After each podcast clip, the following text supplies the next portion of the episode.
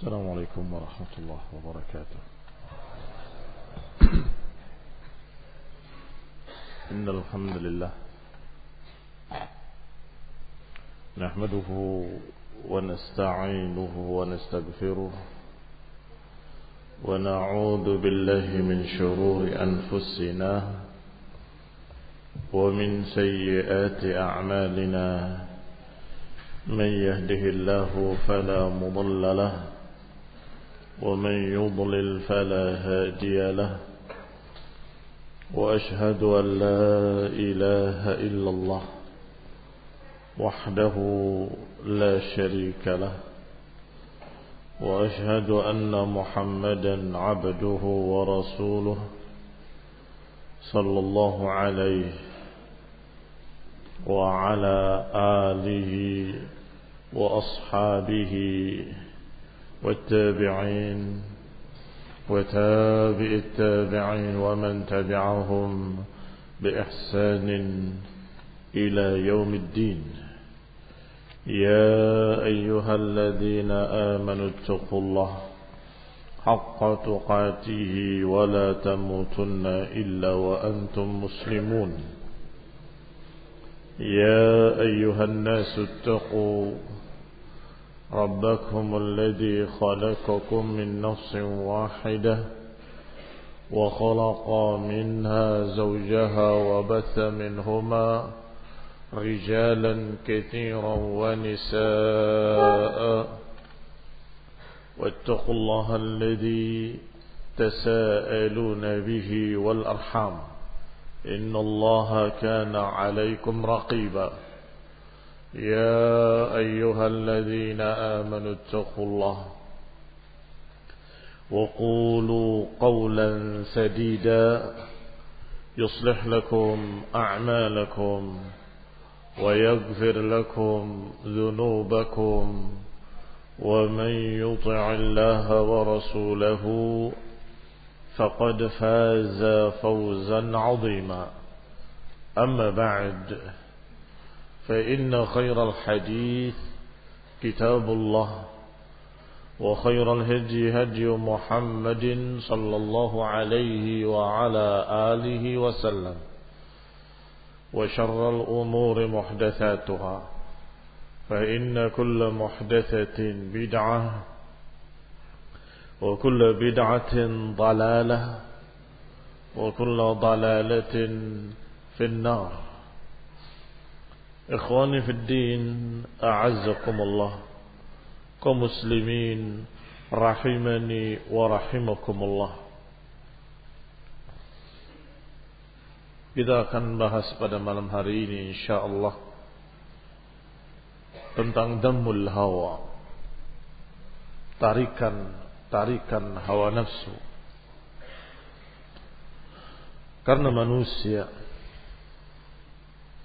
untuk istiqamah di atas kebenaran yang dia sudah ketahui, dia harus menghadapi dua tarikan. Tarikan dari dalam dan tarikan dari luar. Tarikan dari dalam dirinya dan tarikan dari luar dirinya.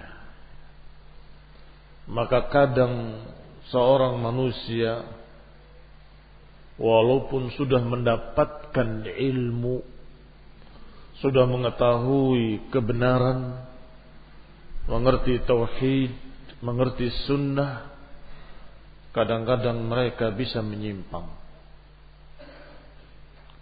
Bahkan seorang yang alim memiliki banyak ilmu betul-betul tahu ayat-ayat Allah dengan tafsirnya dan tahu hadis-hadis Rasulullah dengan syarah-syarahnya tahu kawaid fiqhiyahnya tahu usul fiqhnya tahu bagaimana istimbat hukum ila akhirih.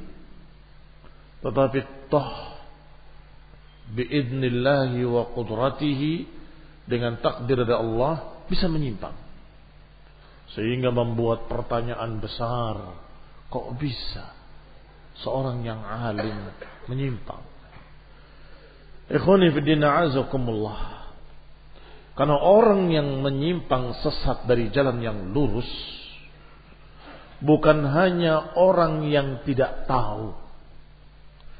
Kalau orang yang tidak tahu kemudian menyimpang, maka itu sudah lumrah. Biasanya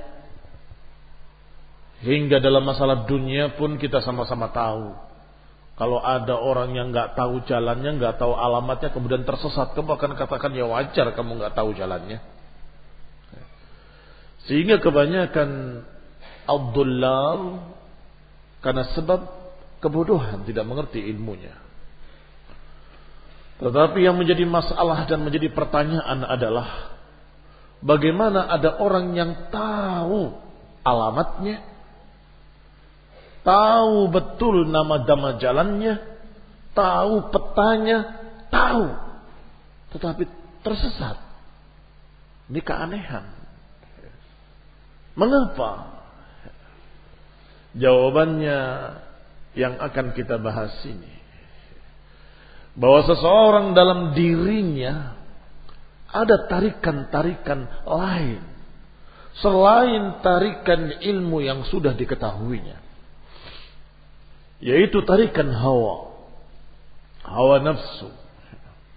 Kalimat hawa disebutkan dalam Al-Quran dan Sunnah selalu dalam konteks mencerca atau dicerca. Nggak ada ayat atau hadis berbicara tentang hawa nafsu dipuji nggak ada selalu disebutkan dalam konotasi yang jelek hawa Seakan-akan hawa nafsu itu adalah lawan dari kebenaran. Orang menyimpang dari kebenaran karena akalnya disebut terbawa oleh hawa.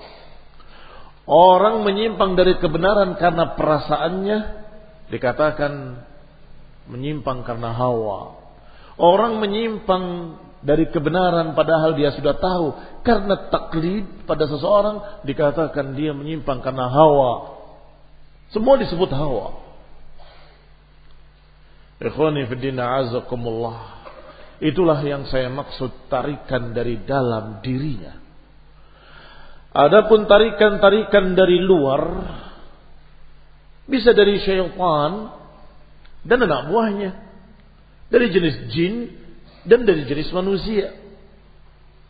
Ja'alna likulli nabiyyin aduwan syayatin al-insi wal jin yuhi ba'dhum ila ba'din zukhrufal qawli ghurura. Demikianlah kata Allah kami jadikan bagi setiap nabi ada musuh-musuhnya. Dari kalangan syaitan-syaitan dari jenis jin dan jenis manusia. Yang sebagian mereka terhadap sebagian yang lainnya saling membisikkan. Zukhrufal qawli ghurura. Saling membisikkan ucapan-ucapan yang dirangkai indah tapi menipu. Zukhrufal qawli rangkaian kata-kata yang indah. Ghurur tetapi menipu ini musuh dari luar Ikhwani azakumullah. Dan kadang-kadang musuh dalam selimut lebih berbahaya. Seringkali musuh yang ada dalam diri kita lebih berat kita hadapi daripada musuh dari luar. Musuh dari luar dalam bentuk yang kau lihat pejamkan matamu. Dalam bentuk yang didengar tutup telingamu aman. Seperti Tawus yang berkata pada anaknya, tutup telingamu wahai anakku. Usjud, tekan lagi. Usjud, tekan lagi. Jangan dengar. Selamat dari zukhlufal qaul, ghurura. Selamat dari penipuan-penipuan. Selamat dari tipuan-tipuan syubuhat. Karena yang di depan tidak dibaca yang terdengar tidak mau didengar selamat. Tetapi yang dari dalam dirinya tiba-tiba terpikir, coba kalau begini niscaya lebih baik. Bukankah kalau begitu kayaknya lebih bagus? Ini yang sering kali menipu kaum muslimin. Rahimani wa rahimakumullah. Allah subhanahu wa ta'ala berfirman huwa alladhi anzala alaikal kitaba minhu ayatun muhkamat. Hunna ummul kitab wa ukharu mutasyabihat. فأما الذين في قلوبهم زيغ فيتبعون ما تشابه منه ابتغاء الفتنة وابتغاء تأويله kata Allah Dialah Allah yang telah menurunkan kepadamu kitab ini Al-Quran Di dalamnya ada ayat-ayat yang muhkamat. Di dalamnya ada ayat-ayat yang mutasyabihat. Adapun orang-orang yang fi qulubihim zaygun. Adapun orang-orang yang di hatinya ada zaig, ada penyimpangan. Fayattabi'una ma tashabaha minhu, maka niscaya dia akan mencari ayat-ayat yang samar-samar. Al fitnah wa ibtigha'a ta'wili, untuk cari fitnah dan untuk cari takwilnya. Karena penyimpangannya di sini dalam diri kita sendiri, dalam diri orang tersebut ada tarikan-tarikan hawa sehingga dia melihatnya yang samar-samar untuk cari fitnah, untuk cari takwilnya, untuk cari apa yang dia suka. Ini enak. Itu berat. Ini aman. Itu resiko. Ini kamu akan mendapatkan member yang banyak akan mendapatkan follower yang banyak. Kalau ini kamu akan dijauhi. Hawa nafsunya berkata begitu. Maka apa yang sudah jelas tegas, apa yang merupakan perkara yang sangat gamblang, muhkam, dia tidak mau lihat. Tetapi dia melihat ayat-ayat yang bisa ditarik. Kan ada ayat ini. Kan ada ayat itu. Kenapa harus resiko? Kenapa harus susah-susah? Kenapa harus begini? Kenapa harus begitu? Jujur. Kamu menginginkan kebenaran atau menginginkan kenikmatan, kenyamanan, kesenangan? Jujur. Kamu cari yang mana? Kebanyakan mereka ini barakallahu fikum bukan mencari kebenaran tapi mencari yang disukai oleh hawa nafsunya. Ini lebih enak. Itulah hawa. Allah katakan alladzina fi qulubihim zaig yang di dalam hatinya ada zaig akan mencari ayat-ayat yang mutasyabihat. Karena dia melihat muhkamat adalah perkara-perkara yang berat, susah, beresiko. Harus begini, harus begini. susah. Berat. Resiko. Begitu lihat. Ah, ayat ini bagus deh. Akan menguntungkan saya. Akan menyelamatkan saya. Saya akan bisa bergerak bebas. Nggak kaku. Ikhwani fi din azakumullah kaum muslimin rahimani wa rahimakumullah. Maka muncullah berbagai macam kesesatan-kesesatan. Dan jangan dikira manusia itu mencari kesukaannya adalah yang paling nikmat, yang paling mudah. Tidak. Kadang ada yang sebaliknya. Senang sama yang berat-berat. Ada. Itu pun sama. Hawa nafsu. Ah, terlalu ringan. Kalau puasa itu dari terbit fajar sampai terbenam matahari. Ringan sekali. Ibadah itu harus berat. Siapa yang berbicara? Hawa nafsunya. Ngapain kalau dia boleh bernaung dari panas matahari? Ngapain kalau dia boleh mandi, menyiramkan air di kepalanya di siang hari bulan Ramadan? Nikmat sekali. Tidak bisa, nggak boleh. Mulai dia atur dengan perkara yang justru tambah berat, tambah berat, tambah berat. Ini juga hawa. Pokoknya kalau itu adalah kemauan dirinya, maka itu kalau menentang Quran dan Sunnah berarti hawa. Ikhwani fi din azakumullah. Allah Subhanahu wa taala juga berfirman, "Wa man adallu mimman ittaba'a hawahu bighairi hudan min Allah." Siapa orang yang lebih sesat dari orang-orang yang mengikuti hawa nafsunya bi ghairi hudan tanpa petunjuk, tanpa bimbingan minallah dari Allah Subhanahu wa taala. Lihat dihadapkan dua kutub. Siapa yang lebih sesat? Waman adallu mimman ittaba'a hawahu bighairi hudan min Allah. Siapa yang lebih sesat dari orang yang mengikuti hawa tanpa hidayah? Berarti berhadapan antara hawa dengan huda. Yang lebih sesat dari manusia, yang paling sesat adalah yang lebih memilih hawa daripada huda. Kalau sudah ada hudan minallah, kalau sudah ada dalil minal Qur'an wa sunnah, kalau sudah ada hujjah yang qati'ah, maka jangan turuti bisikan apa pun yang ada dalam dirimu. Jangan kau turuti segala macam bisikan-bisikan syaitan atau wasawis syaitan. Jangan kau pedulikan bisikan-bisikan hatimu. Jangan. Kalau sudah ada hujjah, katakan sami'na wa ta'ana. Kalau sudah ada dalil yang sangat sahih, sangat jelas, apalagi mutawatir. Maka pegang kuat-kuat. Alhamdulillah. Addu alaiha bin nawajid. Gigit dengan gerahammu.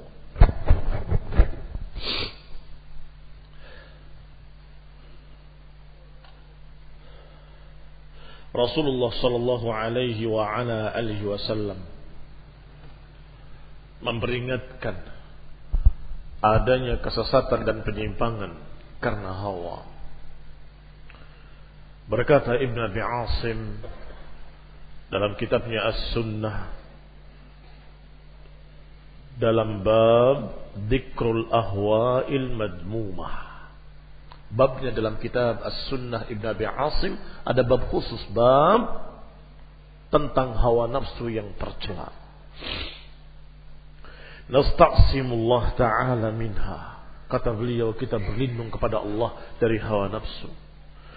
Wa na'udzu bihi min kulli ma yujib sukhtuhu kita berlindung kepadanya dari apa-apa yang menyebabkan kemurkaannya dan kemarahannya. Beliau bawakan dalilnya. Disebutkan sanadnya sampai kepada Muawiyah ibn Abi Sufyan radhiyallahu taala anhu. Beliau berkata, qala Rasulullah sallallahu alaihi wa ala alihi wasallam yakunu aqwamun tatajara bihim tilkal ahwa' كما yatajara الكلب بصاحبه لا يبقى منه مفصل إلا دخله. Kata Muawiyah radhiyallahu taala anhu Rasulullah SAW pernah bersabda akan datang nanti kaum-kaum yang menjalar pada mereka hawa nafsu hawa nafsu seperti penyakit rabies yang menjalar pada penderitanya. Tidak tersisa satu sendi pun kecuali dimasuki oleh penyakit tersebut. Kemudian disebutkan sanad lainnya oleh Ibn Abi Asim rahimahullah an Abi Amir Al-Hauzani bahwasanya beliau mendengar pula tentang Muawiyah radhiyallahu taala anhu ketika haji. Hajja Muawiyah. Fasami'ahu yaqul. Kata beliau, kata Abu Amir Al-Huzani, aku pernah haji bersama sahabat yang mulia Muawiyah radhiyallahu taala anhu. Kemudian aku mendengar dia berbicara di mimbar dengan kalimat qama fina Rasulullah sallallahu yauman Rasulullah SAW pernah berdiri di sini pada satu hari. Fadakara anna ahlal kitab qablakum tafarraqu. Beliau menghabarkan bahwasanya ahlul kitab yang terdahulu telah berpecah belah. Ala tnataini wa sab'ina firqah menjadi 72 golongan fil ahwa di dalam hawa nafsu hawa nafsu. Ala wa inna hadhil ummah dan ketahuilah bahwa umat ini sataftariqu ala 73 firqah umat ini akan berpecah menjadi 73 golongan. Fil ahwa. Kulluha fin nar. Illa wahidatun. Semuanya dalam neraka kecuali satu golongan. Wahiyal jamaah. Ikhwani fillah azakumullah lihat umat-umat terdahulu dari ahlul kitab Yahudi dan Nasrani berpecah belah karena ahwa fil ahwa dalam lafaz ini dalam hadis yang seperti ini yang sahih disahihkan oleh Syekh Al-Albani dalam Zilalul Jannah fi takhrij kitab as-sunnah Disebutkan fil ahwa.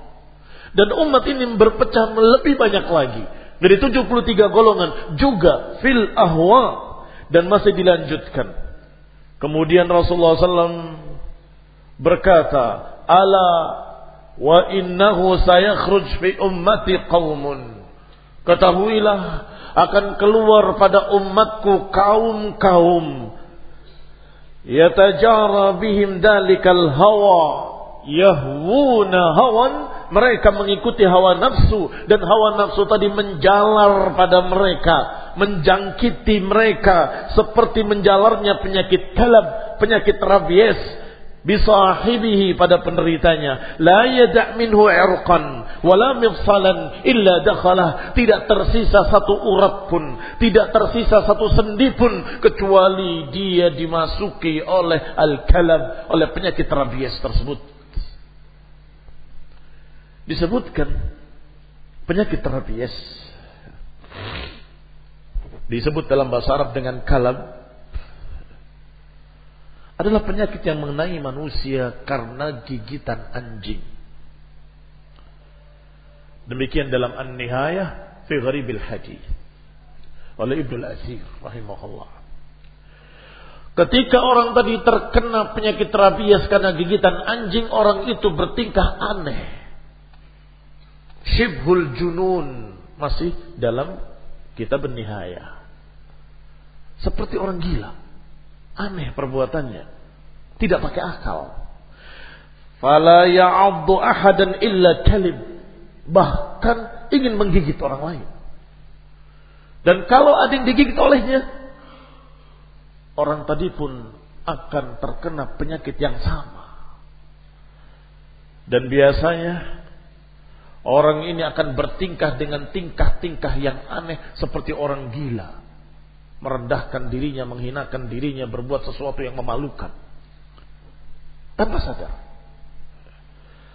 Dan biasanya penyakit ini penderitanya tidak boleh kena air. Yang tanya min syurbil ma. Walaupun dia haus, dia minta air, jangan dikasih. Biasanya kalau dikasih air, justru malah mati. Barakallahu fikum. Demikian pula ketika dia tidak minum, dia akan mati kehausan. Berakhir dengan kebinasaan. Rasulullah sallallahu alaihi wa ala alihi wasallam membawa permisalan yang mudah dipaham. Kalau ada seorang yang terjangkiti penyakit rabies, dia bertingkah yang aneh, berbuat yang aneh, berbicara yang aneh, tidak nalar pada akalnya, tidak berpikir, tidak sadar seperti orang gila. Ikhwani. Digambarkan hawa nafsu juga demikian. Kalau sudah menguasai seseorang, maka niscaya orang itu bertingkah aneh, bertingkah tanpa petunjuk, berbicara, berbuat dengan tanpa hidayah. Mau. Kamu ajak bicara nggak nyambung. Karena sudah dikuasai oleh hawa. Ya ini hadis yang dhaif. Biar mau apa? Loh ini hadis saya nggak mau tahu. Ya para ulama sepakat saya tidak peduli. Mengerikan. Orang yang kena penyakit rabies yang bernama hawa. Ikhwani fi din a'azakumullah muslimin rahimani wa rahimakumullah. Allah Subhanahu wa taala sudah memberikan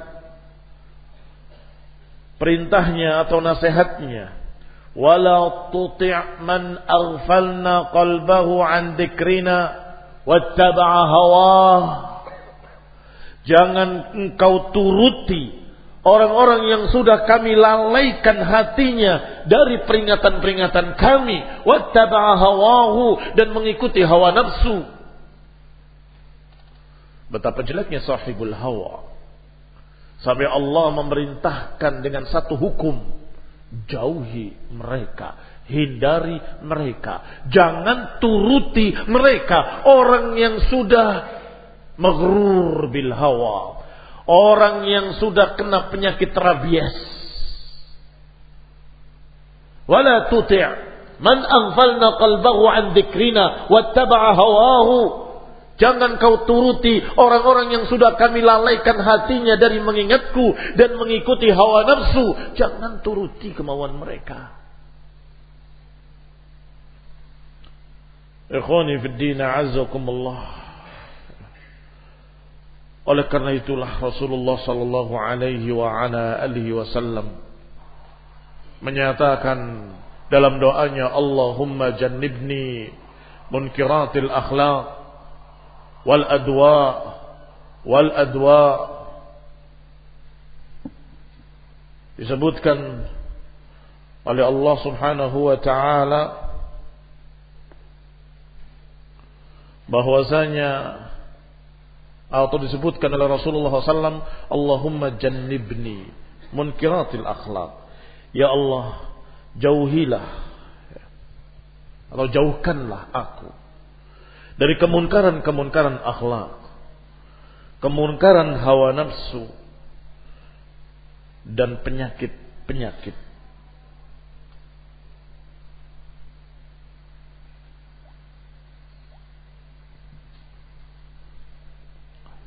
berlindung kepada Allah Subhanahu wa taala dari hawa. Bahkan setiap memulai majlis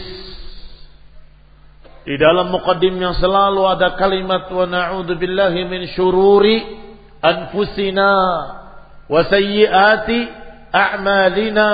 Ya Allah kami berlindung kepadamu dari kejelekan-kejelekan jiwa nafsu ini. Surur syar anfusina. Dari kejahatan kejelekan jiwa-jiwa kami sendiri. Berlindung kepada Allah dari hawa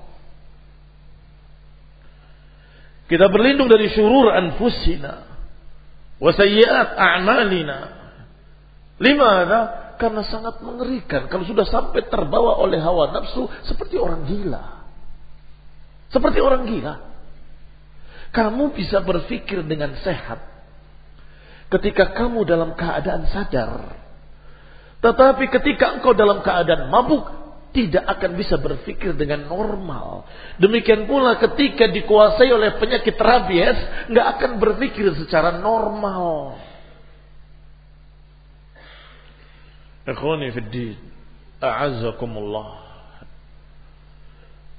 Maka kita akan terheran-heran melihat mereka-mereka yang sudah dikuasai oleh hawa. Walaupun dia tahu kebenaran, walaupun dia alim, walaupun dia mendengar ayatnya, mendengar hadisnya, seakan-akan dia buta, seakan-akan dia tuli, seakan-akan dia benar-benar tidak bisa memahami apa pun.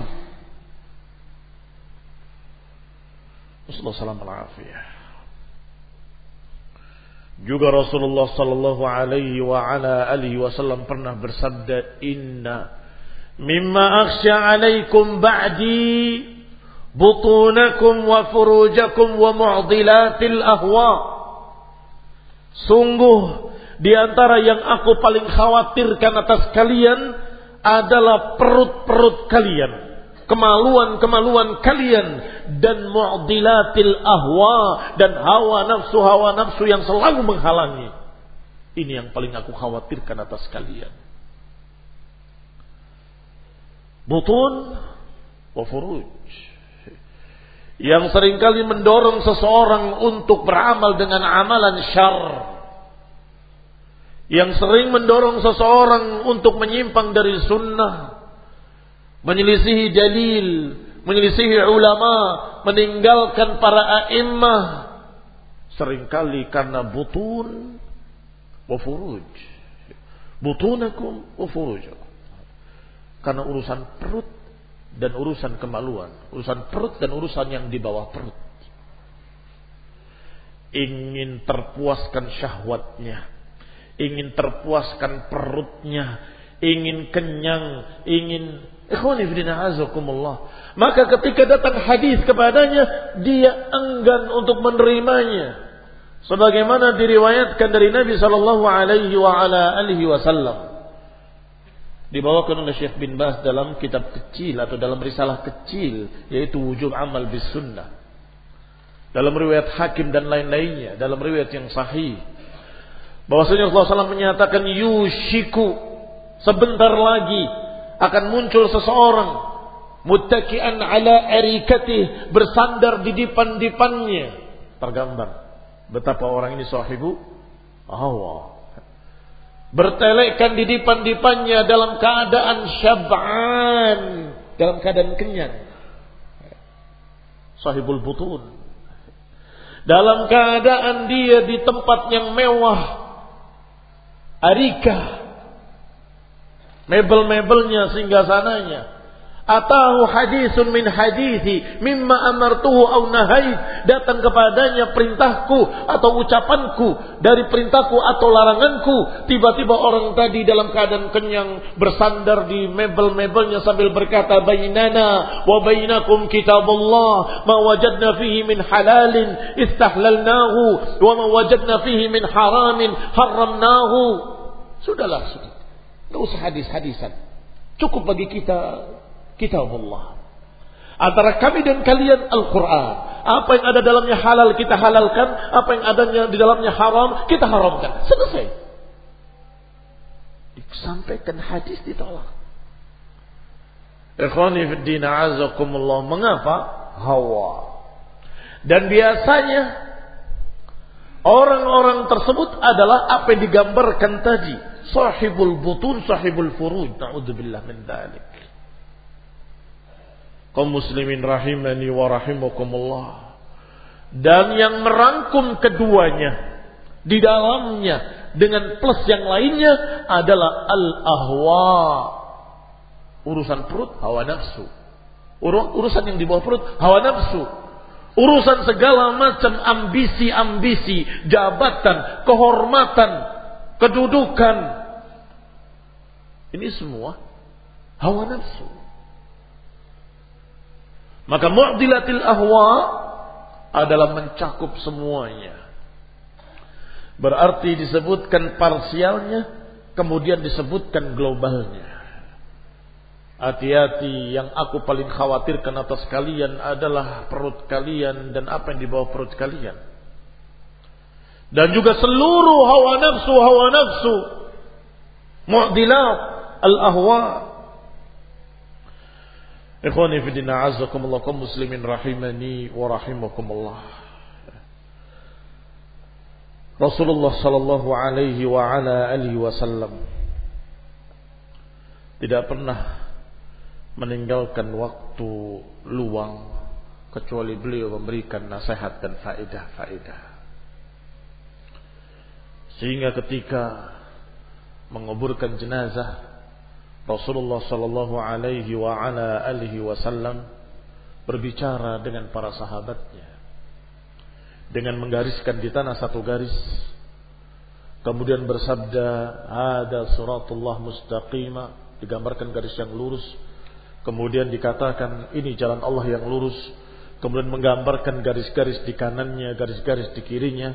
Kemudian berkata hadhihi subul. Ini adalah jalan-jalan lain Laisa minha sabilun illa wa alaihi syaitan.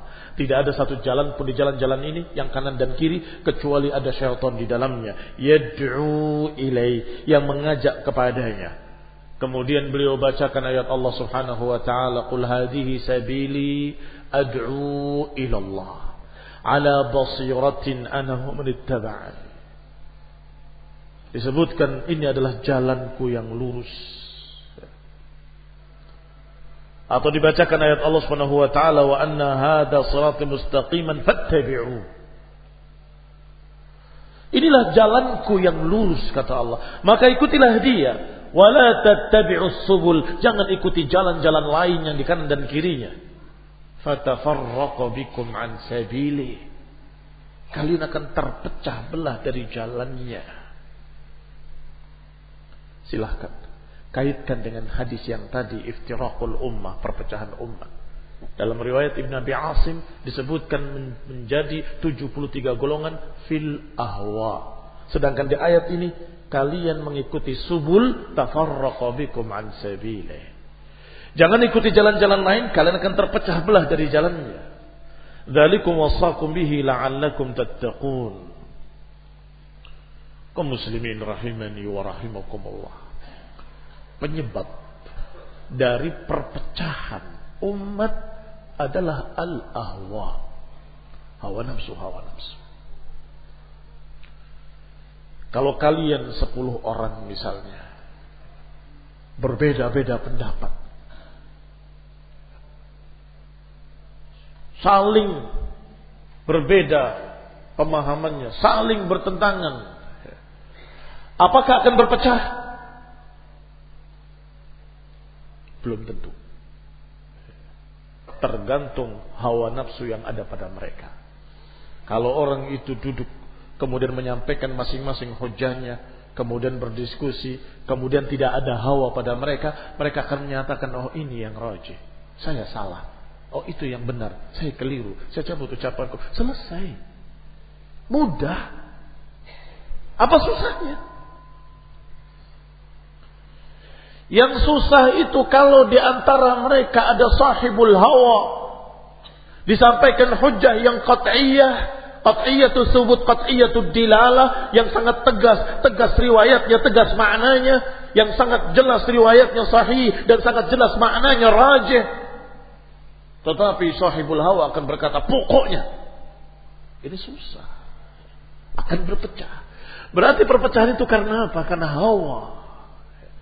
Sehingga tidak akan bisa ditemukan satu titik untuk mereka sepakat. Tidak akan ketemu. Tetapi kalau semua sepuluh orang tadi semuanya memiliki iman kepada Allah dan Rasulnya. Memiliki iman bahwa generasi terbaik adalah para sahabat. Memiliki pemahaman ilmu tentang mereka para sahabat adalah khairun nas. Maka niscaya akan mudah diselesaikan. Perbedaan apa pun akan mudah diselesaikan. Akan sulit diambil titik temu kalau di antara mereka ada hawa. Kalau saya katakan ya, jatuh saya. Kalah saya. Itu hawa nafsu. Nanti saya dianggap pengikut dia dong. Saya ngikut dia. Nanti Dikira saya tidak mengerti. Oh ketahuan dong bodohnya saya. Oh tidak bisa. Saya harus bela mati-matian. Padahal sudah tahu salah. Hati kecilnya sudah berkata salah. Fahada barakallahu fikum menyerupai Yahudi. Menyerupai orang-orang kafir terdahulu yang Allah katakan wajahadu biha. Wastaiqanatha anfusuhum zulman wa. Kata Allah, jahadu biha wastaiqanatha anfusuhum. Mereka menentangnya dalam keadaan hati kecil mereka yakin itu benar. Tapi ditentang. Kok aneh? Hati kecilnya meyakini, kenapa dia menentang? Zulman wa uluwa. Karena zalim dan karena sombong gengsi. Nggak mau membenarkan yang benar. Karena takut dia dianggap kalah. Gengsi. Ikhwani fi din azakumullah kaum muslimin rahimani wa rahimakumullah. Diriwayatkan oleh atau diriwayatkan dalam kitab Usul I'tiqad Ahlussunnah wal Jamaah oleh Imam Hibatullah Al-Likai. Beliau menyebutkan sanadnya sampai kepada Tawus Ibni Kaisan rahimahullah.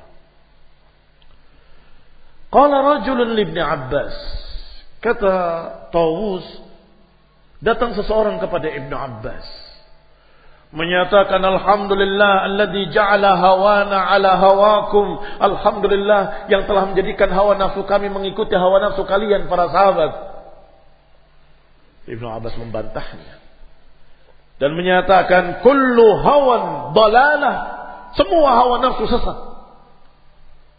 Artinya kalian kaum muslimin tidak mengikuti hawa nafsu para sahabat karena para sahabat sendiri tidak mengikuti hawa nafsu mereka. Mereka mengikuti apa kata Allah, apa kata Rasul. Maka bahasamu jangan menyatakan aku mengikuti hawa nafsu sahabat. Salah. Kita mengikuti ilmu yang ada dalam Quran dan Sunnah yang dipahami dan dibawa oleh para sahabat ilman wa amalan dalam bentuk ilmu dan dalam bentuk pengamalan-pengamalan mereka. Barakallahu fiikum.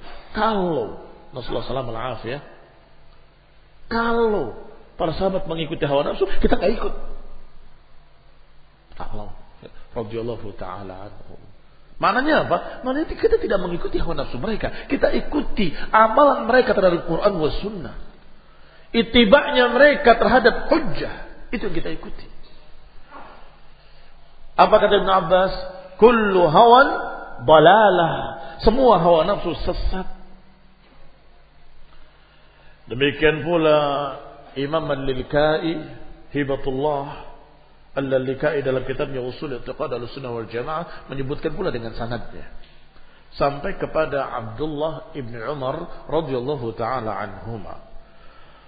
Qala ma farihtu bi syai'in min al-Islam ashadda farahan min min anna qalbi lam yudkhilhu shayun min hadhihi al-ahwa.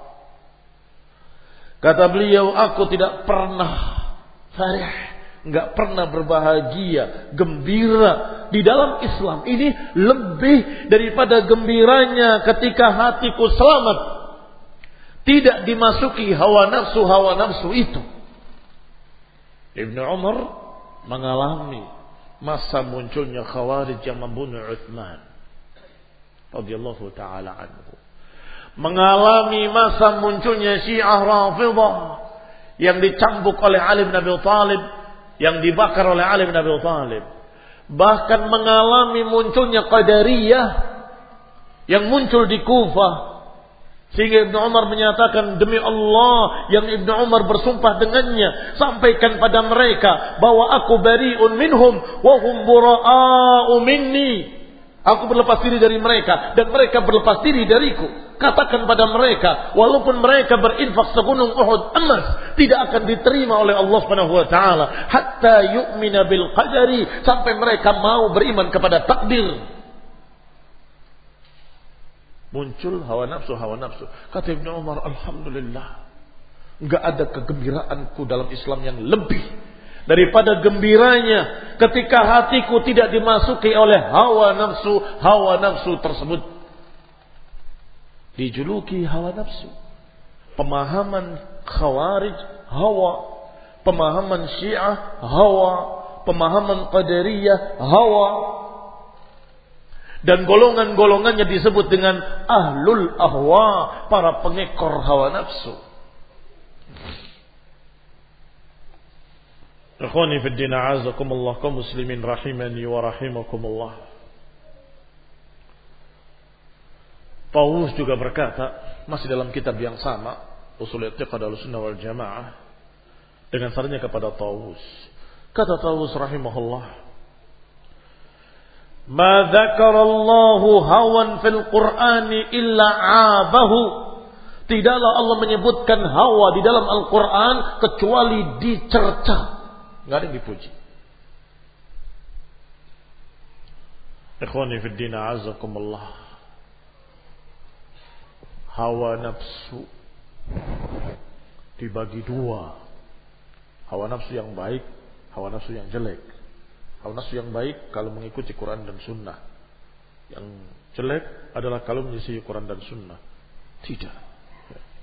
Kalau mengikuti Quran dan Sunnah itu bukan hawa, itu iman.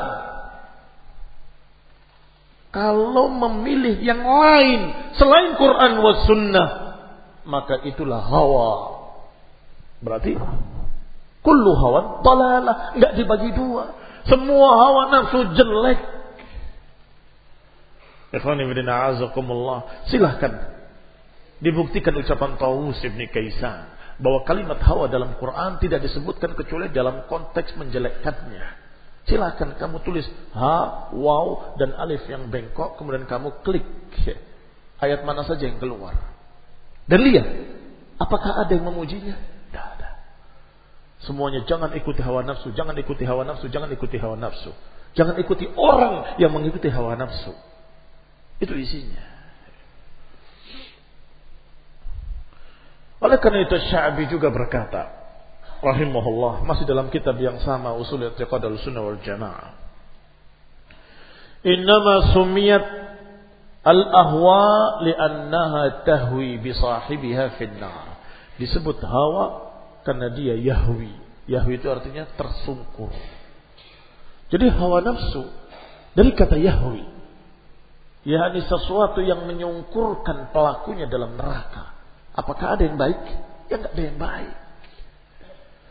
Dinamakan hawa lianaha yahwi bi sahibihi finnar karena dia menyungkurkan pelakunya dalam neraka.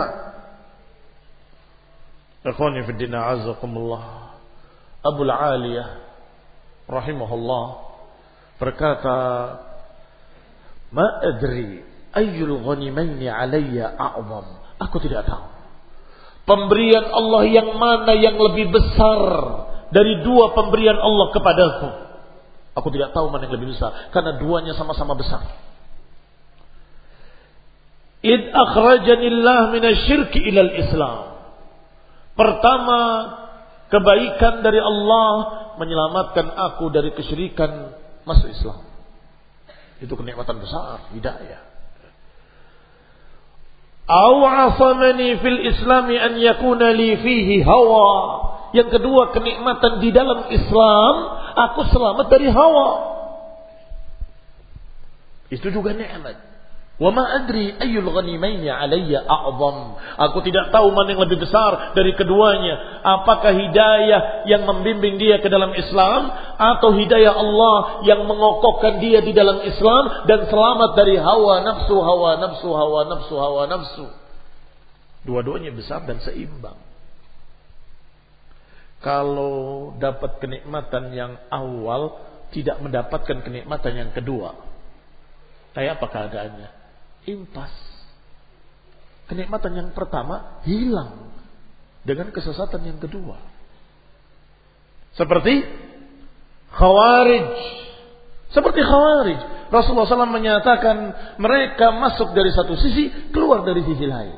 Dapat hidayah ilal Islam, tetapi tidak mendapatkan hidayah di dalam Islam. Sehingga terbawa dengan hawa menjadi khawarij. Yang Nabi menyatakan, yakhrujuna minad dini. Mereka keluar dari Islam.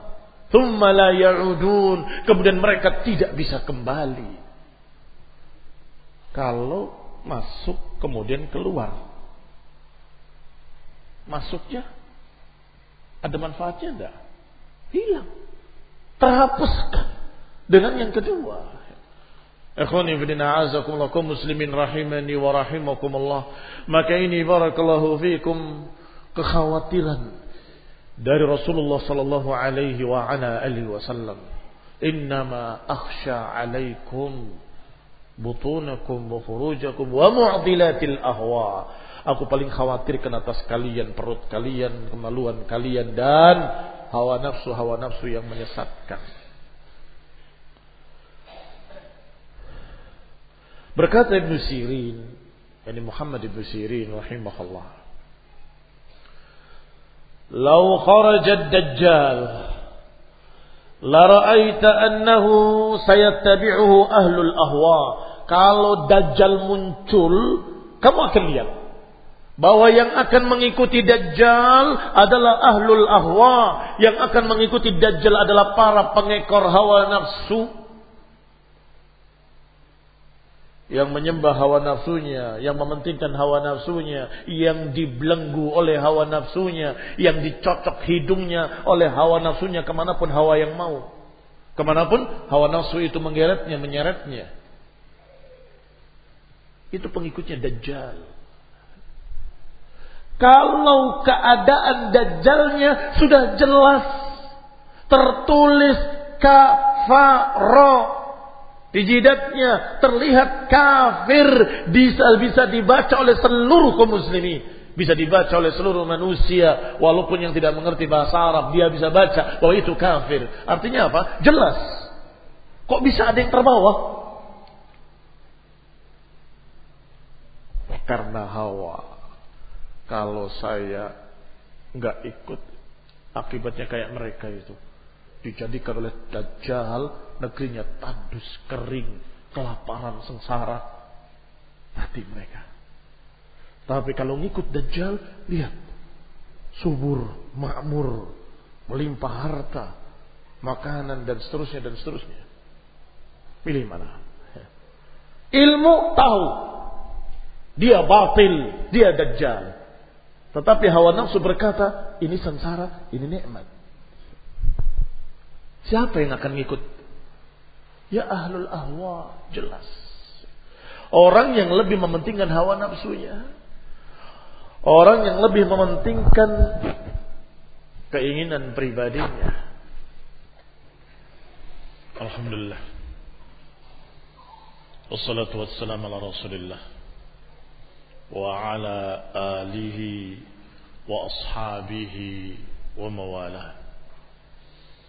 إخواني في الدين أعزكم الله كم مسلمين رحمني ورحمكم الله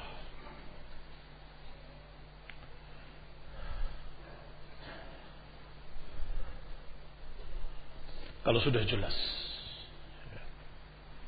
Siapa sahibul hawa Kalau sudah jelas bagaimana keadaan ahlul ahwa maka kita akan tahu betapa bahayanya mereka. Para pengekor hawa nafsu. Orang yang bermaksiat. Orang yang berbuat dosa. Memang mereka mengikuti hawa nafsu. Tetapi ketika mereka ditanya apakah itu perbuatan yang halal? Dia tidak akan menyatakan itu halal. Dia mengatakan, iya ini memang dosa, tapi nantilah saya akan tobat. Artinya apa? Dia masih tidak terbawa pemahamannya bahwa itu adalah maksiat. Dalam keadaan dia akan terus menyatakan pada anaknya jangan seperti saya. Iya kan? Orang tua yang masih merokok, anaknya merokok dimarahi. Mengapa? Dia tahu ini jelek. Secara i'tiqad dia masih yakin. Tetapi sahibu hawa yang dimaksud di sini adalah dia tahu kebenaran, dia tentang kebenaran. Dia tahu itu haram, dia tolak dan mengatakan tidak, tidak haram. Mau apa? Itu sahibu hawa. Disebutkan bahwa itu batil. Hawa nafsunya tetap memberontak dan menyatakan menurut saya itu bukan kebatilan. Ini disebutkan dalam Quran, disebutkan dalam sunnah. Dia berkata, tetapi saya pikir di masa-masa seperti ini perkara itu tidak mengapa. Saya pikir, saya rasa ditolak dengan hawa. Maka ini lebih mengerikan. Berbeda dengan kemaksiatan-kemaksiatan tadi. Barakallahu fikum. Maka berkata Imam Al-Barbahari rahimahullah. Wa'lam rahimakallah. أن الدين إنما جاء من قبل الله تبارك وتعالى ketahuilah semoga Allah merahmatimu bahwasanya agama ini sesungguhnya datang dari sisi Allah tabaraka wa taala lam yudha ala uqulir rijal wa araihim agama ini dari Allah ilmunya dari Allah Allah tidak letakkan ilmu agama ini pada akal-akal manusia. Tidak diletakkan pada rokyu-rokyu manusia. Wa ilmuhu indallah wa inda rasulih. Maka ilmunya ada di sisi Allah dan ada di sisi Rasulnya sallallahu alaihi wa ala alihi wasallam. Fala tattabi' syai'an bihawak. Maka jangan engkau ikuti sedikit pun hawa nafsumu. Fatamruk minad din. Engkau akan keluar dari agama. Lihat nasihat seorang imam ahlus sunnah. Imam al-Barbahari. Bahwa agama ini agama Allah. Ilmunya dari Allah. Atau melalui lisan Rasul yang diutusnya. Sallallahu alaihi wa ala alihi wasallam. Maka barakallahu fikum. Agama ini bukan hasil olah pikir manusia Agama ini bukan hasil ngelamun manusia. Agama ini bukan buatan akal-akal manusia. Dari Allah. Maka ilmunya dari Allah. Jangan dikalahkan, jangan dilawan dengan ro'yu, jangan dikalahkan, jangan dilawan dengan otakmu. Tapi saya pikir ini nggak pas, jangan. Siapa kamu? Fala tattabi' syai'an bihawaka, maka jangan turuti hawa nafsumu. Pikiran-pikiranmu yang terbersit di betak di menakmu yang merupakan perasaan hatimu, jangan. Jangan ikut sedikit pun. Fatamruqu minad din akan mengeluarkan kamu dari agama. Fatakhruj minal Islam Niscaya engkau akan keluar dari Islam. Kalau mengikuti hawa nafsu akan keluar dari Islam. Kalau berani menolak satu hukum, akan berani menolak hukum yang kedua. Kalau berani menolak hukum yang kedua, akan berani menentang hukum yang ketiga. Dan terus demikian sampai agamanya sama sekali bukan dari Allah. Agamanya adalah bikinan pikirannya sendiri. Agamanya adalah hasil kesimpulan dirinya sendiri. Na'udzubillah, na'udzubillah.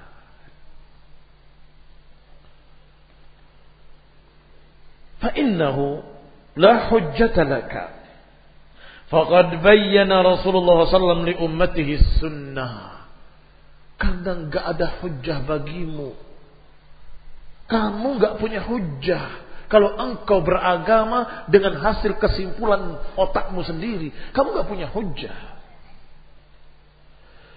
Waqad buyyina as-sunnah karena sudah diterangkan sunnah wa awdahaha li ashabi. Sudah diterangkan sunnah kepada para sahabatnya. Wa humul jamaah.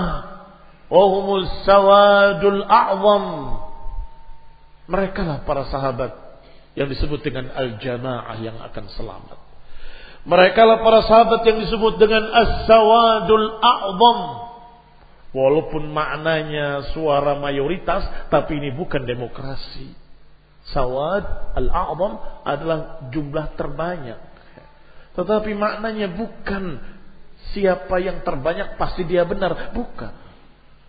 Maknanya waktu itu di zaman salaf mereka para sahabat yang menjadi ukuran dan itu sawadul a'zam.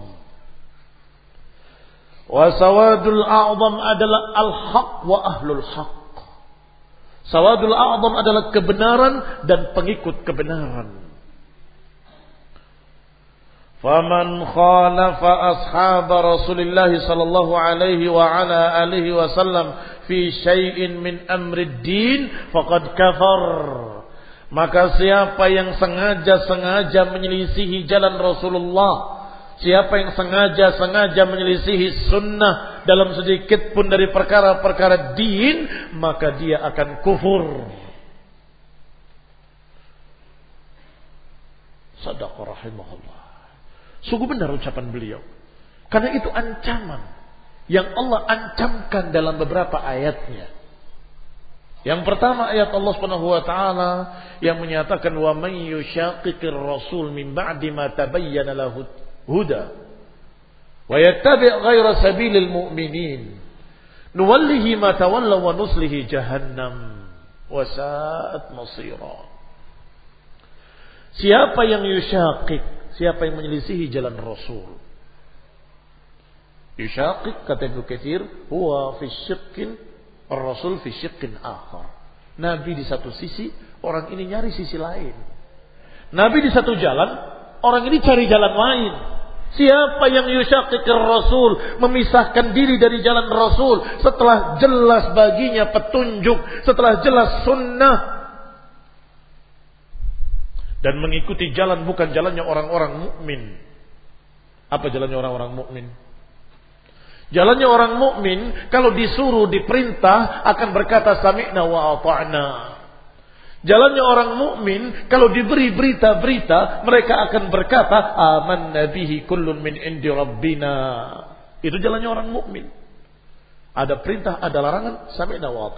Ada berita-berita, aman nabihi, kami percaya semuanya dari Allah. Itu jalannya orang mukmin. Yaitu jalannya para sahabat ridwanullah alaihim ajma'in. Mereka lah orang-orang mukmin yang hakiki.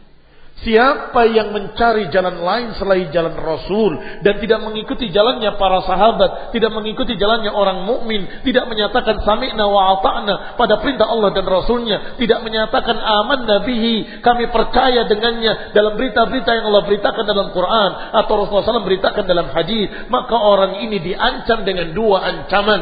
Nuwallihi ma tawalla wa nuslihi jahannam. Kami sesatkan dia dan kami masukkan dia dalam neraka jahannam. Ancaman yang mengerikan. Jangan dilihat kecilnya satu perkara. Tapi lihat betapa beraninya engkau menyelisihi perintah Allah dan Rasulnya. Ya tapi kan dalam masalah itu saja. Kalau berani dalam satu masalah, akan berani pada masalah kedua. Kalau berani dia menentang ucapan Allah, menentang ucapan Rasul dengan pikirannya sendiri, dengan hawa nafsunya sendiri, dia akan berani untuk menentang hukum-hukum yang lain. Na'udzubillah min dalik. Qala dikatakan juga masih ucapan Imam Al-Barbahari untuk menunjukkan betapa jeleknya hawa nafsu dan pengikut-pengikut hawa nafsu. Wa idza ra'aita ar-rajul yajlis ma'a ahli al-ahwa fahadzirhu. Kalau engkau melihat seseorang duduk dengan ahlul ahwa, pengekor hawa nafsu, peringati dia Peringatkan dia, jangan duduk dengannya karena dia ahlul ahwa. Wa'arifhu, kenalkan bahwa kamu berjalan dengan sahibu hawa. Fa in jalasa ma'ahu ba'da ma'alim fattaqi. Fa innahu sahibu hawa. Kalau sudah dijelaskan, sudah diingatkan, sudah diberitahu, dia tetap berjalan bersamanya, maka hindarilah orang tersebut. Karena berarti orang itu pun sama sahibu hawa. Kalau sudah terbukti dengan yakin bukan ban terbukti dengan yakin bukan hanya tuduhan kosong. Kalau dia benar-benar sahibu hawa maka kita hindari kita jauhi. Allah katakan wala tuti' Man anfalna qalbahu an dzikrina wattaba'a hawa. Jangan turuti orang-orang yang sudah dilalaikan hatinya dari mengingat Allah dan mengikuti hawa nafsu. Jangan turuti mereka. Sudah jauhi mereka. Tiba-tiba ada orang yang mengaku al-sunnah bermajlis dengannya. Bagaimana? Hadirhu. Peringatkan dia. Eh, itu sahibu hawa. Alhamdulillah. Ahdikum waslih balakum. Jelaskan, pahamkan, beri pengertian, arifhu sampai jelas. Kalau sudah kalian jelaskan sejelas-jelasnya, tapi orang ini tetap duduk bersamanya, tetap berjalan bersamanya, maka ini pun sahibu hawa, tidak tunduk pada qala Allah wa qala Rasul. Ikhwani fi Ini syariat ini sunnah. Dan ini disebutkan oleh para a'immah. Siapa yang menyatakan bahwa cara seperti ini adalah cara-cara komando, berarti dia sahibu hawa. Ini tahdir. Kemudian ini ditahdir peringatkan tetap berjalan bersamanya, ikuti tahdir. Itu syar'i, barakallahu fikum. Imam Al-Barbahari mengajarkan demikian. Oh, itu adalah komando. Assalamualaikum Kamu sami wala haraj. Namakan sesukamu. Ini disuruh oleh para a'imah, para ulama. Fahadzirhu wa'arifhu. Kata Imam Al-Barbahari. Kalau ternyata dia tetap bersamanya, maka ittaqhi, jauhi dia. Karena dia juga berarti sahibu hawa. Bagaimana berantai seperti itu?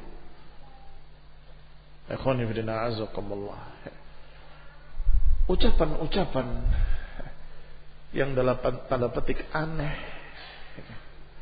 Ucapan-ucapan yang bukan qala Allah, bukan qala Rasul dipakai untuk menentang ucapan sunnah, ucapan Rasulullah sallallahu alaihi wa ala alihi wasallam.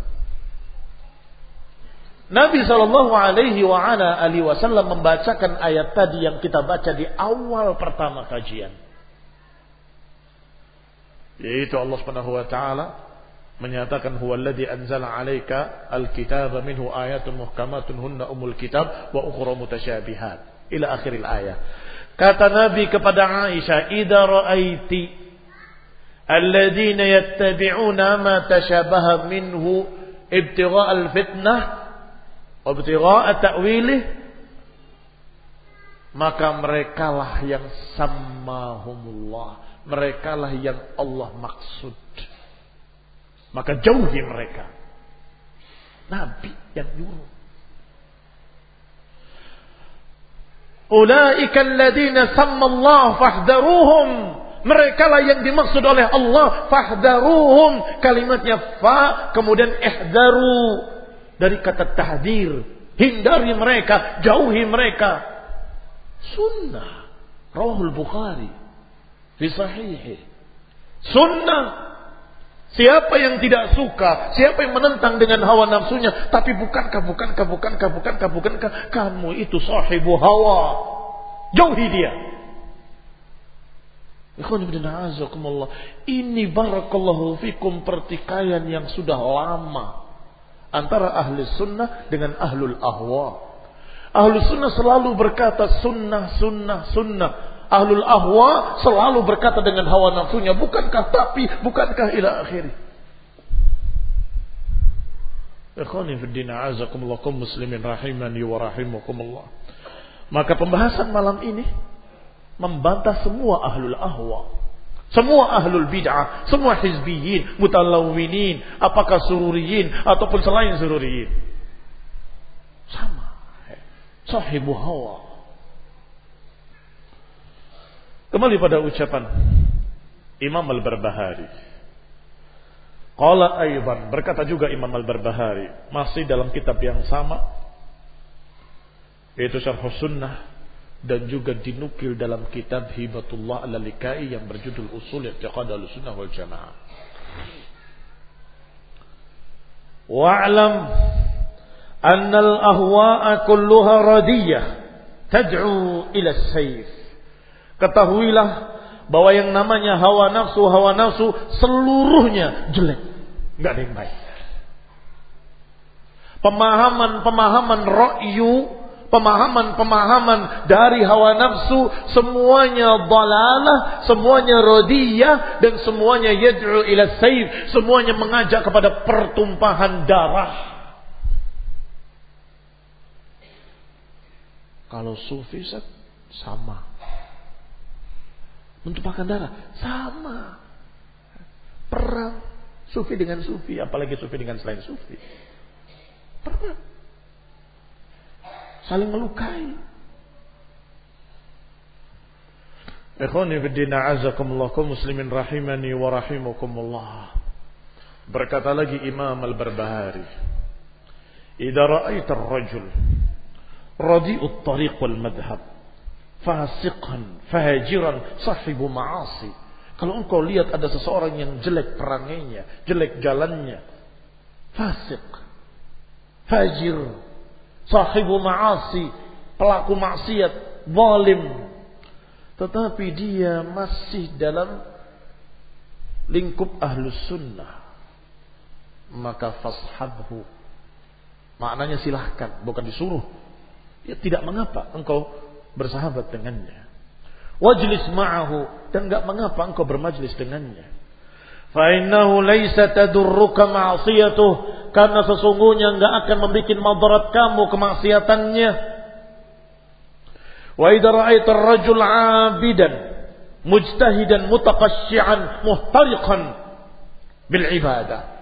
Sebaliknya kalau engkau melihat seorang ahli ibadah, khusyuk, tenggelam dalam ibadah, tetapi sahibu hawa, pengekor hawa nafsu, fala tajlis ma'ahu, maka jangan duduk bersamanya. Wala tasma' kalamahu. Dan jangan mendengarkan ucapannya. Wala tamshi ma'ahu, jangan berjalan bersamanya fit tariq. Fa inni la aman. Antastahilli tariqahu. Tariqahu. Aku tidak aman. Aku khawatir kamu akan ikut bersamanya dalam jalan sesatnya. Fatahlak ma'ahu. Engkau akan binasa bersamanya Ikhwani fidina azakumullah kalau engkau duduk dengan ahli maksiat tentunya ketika dia tidak berbuat maksiat kalau dia berbuat maksiat kamu duduk berarti kamu tidak mengingkari kemungkaran namanya. Ketemu. Ah, gimana Pak? Baik. Gimana orang tadi?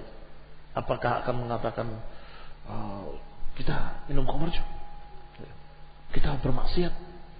Enggak, justru malu dia. Bahkan mungkin akan berkata, iya saya itu sesungguhnya pengen taubat, pengen seperti antum, tapi gimana ya? Itu sahibu ma'asi.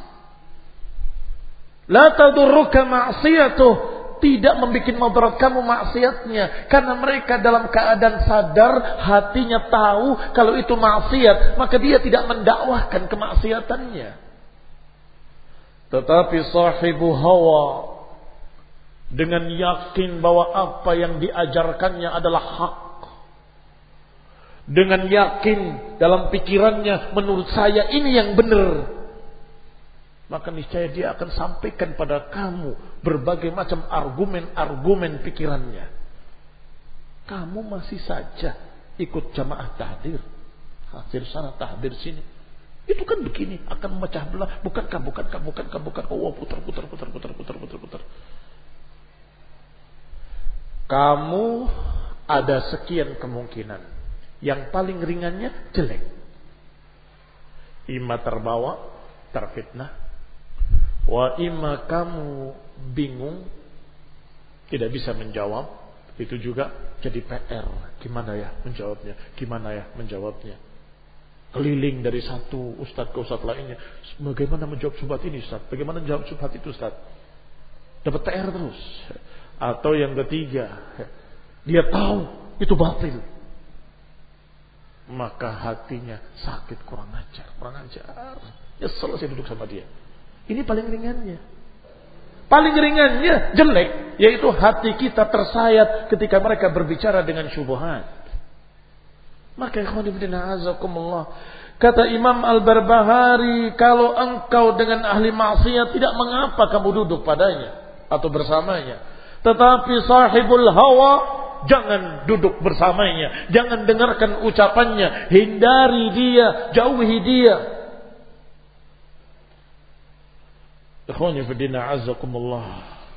Ketika dicambuk 30 orang sesat. Bahkan bukan dicambuk. Ketika digantung bahkan. Ditangkap 30 tokoh-tokoh sesat. Qadariyah. Ada anak muda. Remaja. Ikut tertangkap. Ditanya bagaimana engkau bisa terbawa oleh tokoh-tokoh sesat ini. Diceritakan sebabnya. Aku pernah dalam satu safar singgah di bawah pohon bernaung. Ternyata di bawah pohon tersebut ada orang tua. Duduk di situ juga bernaung. Bermajlis sesaat. Orang tua itu berkata kepadaku, wahai anak muda, bagaimana pendapatmu kalau aku katakan naiklah kamu ke atas pohon ini, maka saya akan berikan hadiah. Tapi kalau engkau tidak naik, saya akan hukum kamu. Kemudian orang itu memotong kakimu. Memutus kakimu. Sehingga engkau nggak bisa naik. Bagaimana pendapatmu? Kata saya, kata anak muda tadi. Boleh, jahat. Tersenyum orang tua tadi. Maka apakah mungkin Allah menyuruh beriman kepada manusia? Berimanlah. Kemudian dipotong kakinya ditakdirkan kafir. Apa mungkin? Ya nggak mungkin. Boleh. Cerdas. Langsung sesat jadi qadariyah. Nggak percaya lagi dengan takdir. Satu kali majelis. Ikhwani fidina azakumullah. Jangan anggap remeh masalah ini. Barakallahu fikum. Jangan anggap remeh masalah manhaj tahdir. Yang diajarkan dalam Quran dan Sunnah. Dan jangan berkata itu hanya khusus di Saudi. Kalau di Indonesia nggak mungkin bisa. Kata siapa? Ini urusannya adalah sama dengan urusanmu ketika engkau berkata pada anakmu. Nah jangan main di jalan. Nah jangan engkau main api. Sama. Apa bedanya? Apakah itu harus dilakukan di Saudi? Jangan di Indonesia? Karena itu tahdir-tahdiran. Anakmu ditahdir. Jangan main sama anak tetangga yang nakal itu. Kan suka orang tua berkata. Nah jangan main sama mereka. Itu anak nakal. Apakah itu bukan tahdir? Oh barangkali haula ini tidak pernah mentahdir anaknya. Jangan-jangan. Bebas. Silahkan kamu bergaul dengan siapa pun. Nak. Kami tidak bermadhab tahdir tahdiran. Begitu. Jadi apa anak eh? Ya. Ikhwani bin a'azakullakum muslimin rahimani wa rahimakumullah. Agama ini bukan dengan akal. Bukan dengan perasaan. Agama ini dengan hujjah dengan dalil, dengan akwal ulama salaf.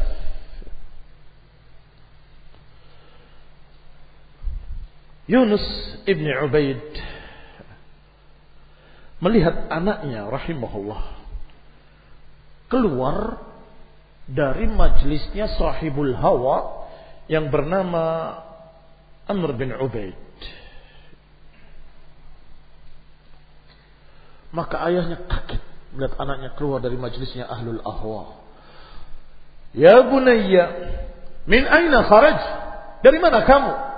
Anak itu menjawab, min indi Amr bin Ubaid. Aku dari tempatnya Amr bin Ubaid. Maka ayahnya berkata, yani Yunus bin Ubaid rahimahullah, Ya bunayya, lan araka kharajta min baiti haiti. Ahabu ilayya min antalqahu biqauli ahli ahwa. Wahai anakku kalau engkau keluar dari tempat maksiat sungguh lebih ringan bagiku daripada engkau keluar dari tempatnya ahlul ahwa yang kemudian berhadapan dengan Allah dalam keadaan engkau membawa kalimat sesat. Lihat ya bukan kita berkata bahwa masuk ke tempat maksiat tidak mengapa. Bukan tapi maknanya walaupun itu jelek, lebih ringan daripada engkau bermajlis dengan ahlul ahwa. Ini bukan ucapan Imam Al-Barbahari. Tetapi sama dengan ucapan Imam Al-Barbahari. Apa maknanya? Maknanya para imam, imam ahlu sunnah berbicara sama dalam masalah ini. La khilafa fihim. Nggak ada perselisihan di kalangan mereka.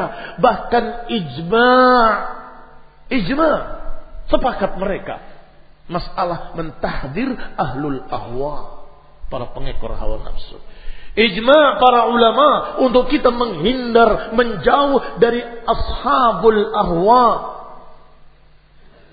Ikhwani fi azakumullah muslimin rahimani wa rahimakumullah. Imam Al-Barbahari setelah menukil ucapan Yunus Ibn Ubaid tadi, beliau berkata, Afala ta'lam anna Yunus qad alima anna al-hayti la yudillu ibnahu an dini? Lihatlah. Bukankah Yunus juga melihat bahwa tempat maksiat tadi enggak akan menyesatkan anaknya? Tetapi sahibul bid'ah, sahibu hawa, pengekor hawa nafsu, yudillahu hatta yukaffirahu akan menyesatkan sampai mengufurkan. Fahdar ahla zamanik maka hati-hatilah engkau dengan penduduk di zamanmu khususnya. Fandur man tujalis. Hendaklah engkau melihat dengan siapa engkau bermajlis. Wa mimman tasma' Wa mimman tashab dari siapa engkau mendengar, dari siapa engkau mempelajari, dari siapa engkau atau dengan siapa engkau bersahabat, pilih. Lihat ikhwan azakumullah. Ahlul ahwa dengan ahlus sunnah. Hendaklah engkau berjalan bersama ahlus sunnah, jangan berjalan dengan ahlul ahwa. Hendaklah engkau bersahabat dengan ahlus sunnah. Jangan engkau bersahabat dengan ahlul ahwa. Hendaklah engkau mendengarkan dari ahlus sunnah. Jangan mendengarkan dari ahlul ahwa. Ikhwani fidina azakumullah kaum muslimin. Rahimani wa rahimakumullah. Jangan sampai kita menyesal yaumul qiyamah. Jangan sampai kita menyesal dan menyatakan sebagaimana yang Allah kisahkan dalam Al-Qur'an, "Yauma ya'addu adh-dhalimu 'ala yadayhi yaqulu ya laitani ittakhadtu ma'ar rasuli sabila." Ya wailata laitani lam attakhid fulanan khalila laqad adallani 'ani dzikri ba'da id ja'ani wa kana asy-syaitanu lil insani khudula. Jangan menyesal seperti yang Allah kisahkan ini. Yauma ya'addu adh-dhalimu 'ala yadayhi ketika orang zalim dalam keadaan menggigit jarinya karena menyesal yaumul qiyamah menyatakan ya laitani takhadtu ma'ar rasuli sabila. Duhai kiranya aku dulu mengikuti jalan rasul. Celakalah aku. Kenapa aku menjadikan si fulan sebagai temanku? Lihat ini. Salah pilih teman. Wailata Laitani lam attakhid fulanan khalila. Duhai kiranya aku tidak memilih si fulan sebagai temanku. Laqad adallani ani dzikri. Dia telah menyesatkan aku dari zikir pada Allah. Ba'da idja'ani yang tadinya sudah datang kepada aku. Gara-gara sahibul ahwa terbawa lagi dalam sesat. Sudah mengenal sunnah, sudah mengenal salafiyah, sudah mengenal tauhid, ketemu dengan hizbi. Tidak apa-apa, ambil kebaikannya, buang kejelekannya. Balik lagi ke kaum yang lama, mengambil kebaikannya katanya. Tidak apa-apa bermajus dengan mereka, ambil kebaikannya. Pindah lagi ke sana, ke bawah. Dengan yang dikira kebaikan, padahal kebatilan. Jadi sesat lagi. Siapa yang jahat? Hizbi tadi.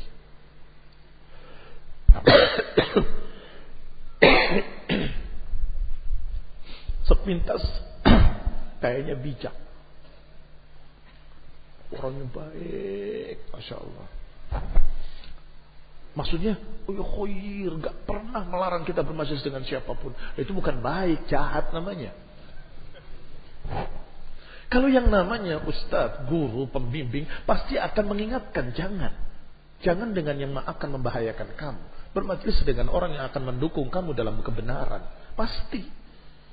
Kalau membiarkan, membebaskan, bahkan mencontohkan untuk pergaulan bebas, itu justru membahayakan.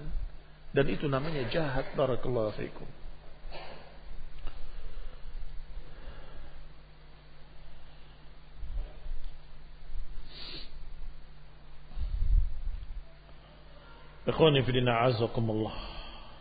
Selanjutnya berkata Imam Al-Barbahari, "Idza aradtal istiqamah." Sudah mulai mengarah pada judul, tapi waktu sudah habis. Baru mengarah pada judul. Istiqomah di atas kebenaran dari tarikan-tarikan hawa. Kata Imam Al-Barbahari, "Idza aradtal istiqomah." Kalau engkau mau istiqomah di atas kebenaran dan jalan ahli sunnah, fahdar al-kalam wa sahibul kalam wal jidal wal mira wal qiyas wal munadara fid din kalau engkau ingin istiqamah di atas kebenaran, di atas jalan sunnah, jalannya ahli sunnah, maka hindarilah ilmu kalam dan hindari golongan ahlul kalam. Ilmu kalam memang ilmu mantik, ilmu filsafat dan sejenisnya. Tapi termasuk ilmu kalam adalah hasil otak-atik otaknya yang bertentangan dengan sunnah. Itu juga ilmu kalam. Saya tidak mempelajari filsafat. Tetapi setiap datang sunnah, tapi bukankah ini begini saya pikir begini. Itu juga ilmu kalam barakallahu fikum. Itu juga ilmu kalam.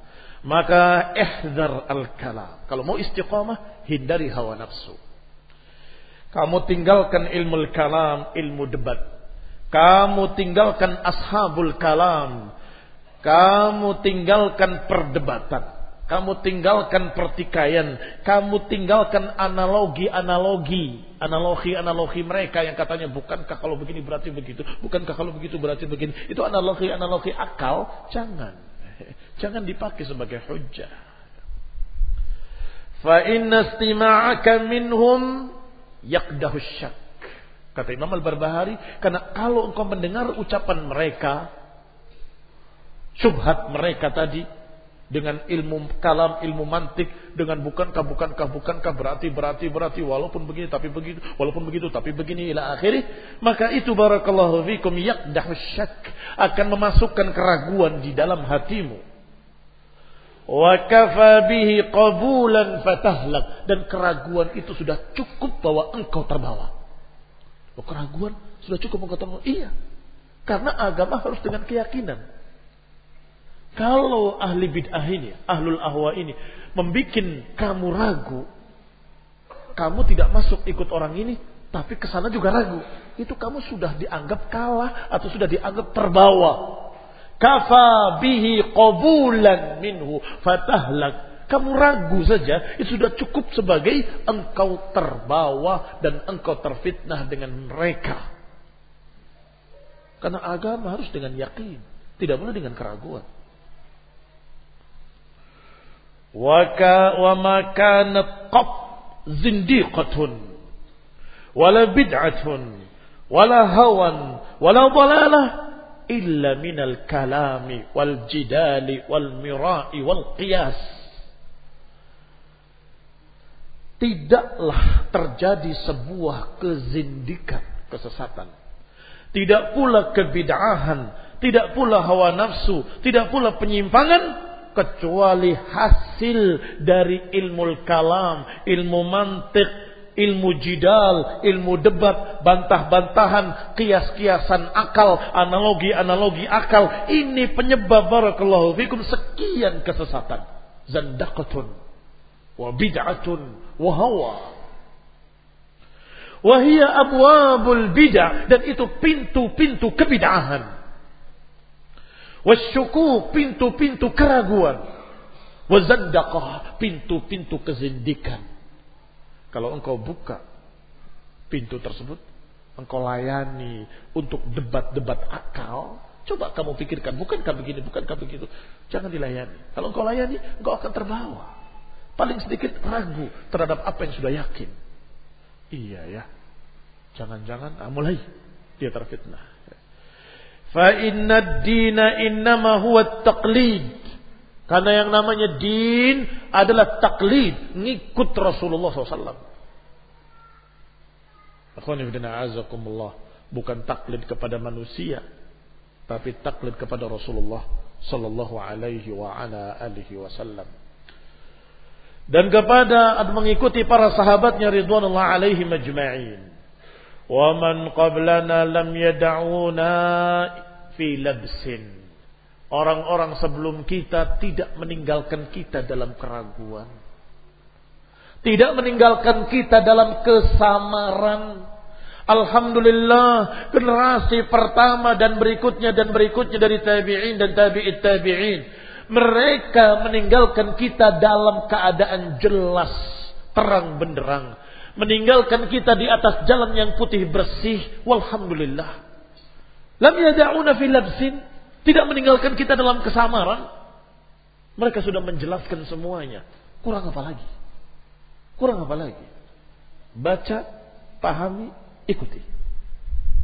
Ikhwani fi din muslimin rahimani wa rahimakumullah. Ikuti mereka wastarih. Ikuti mereka, kamu istirahat wala tujawizil athar wa ahlal athar. Jangan melampaui riwayat-riwayat hadis, jangan melampaui ahlal hadis. Ikuti mereka, selamat. Jadi ikuti mereka dengan mengikuti apa yang mereka bawa dari hadis-hadis yang sahih. Itu cara istiqamah. Berpegang dengan hujjah. Kalau sudah kita bawakan hujjah-hujjah mereka akan berkata dengan sekian macam perkataan. Itu maksudnya begini, bukan begitu. Itu maksudnya begitu, bukan begini. Ila akhirnya. Baik, kalau gitu kita ambil pemahaman para ulama. Nih Imam Fulan, nih Syekh Fulan. Apa jawaban mereka? Kamu jangan menuhankan para ulama. Loh, tadi kita teraskan dalilnya. Katanya pemahaman siapa itu? Ini pemahaman para ulama. Jangan kamu taklid pada ulama. Jangan kamu menuhankan ulama. Jangan kamu menyembah Syekh Rabi. Aneh. Sahibu hawa barakallahu fikum. Tidak akan mungkin bisa menerima apa pun dari hujjah. Dia akan bantah dengan hawa nafsunya.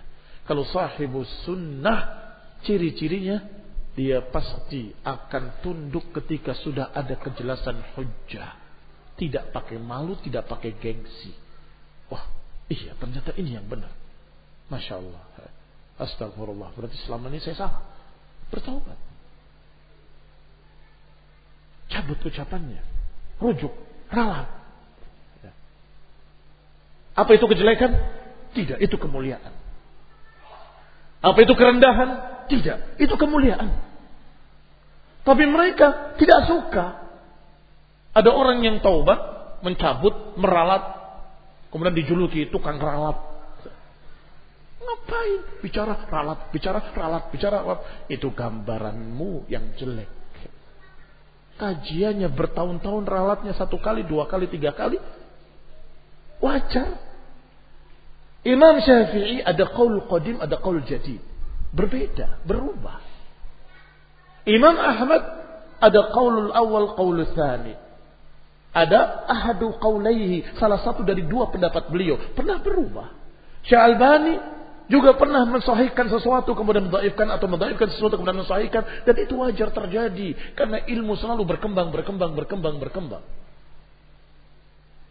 Kalau orang yang meralat kesalahannya kemudian dikatakan berarti orang itu sesat, bodoh, sufu, tidak boleh dengarkan ucapannya karena dia suka salah.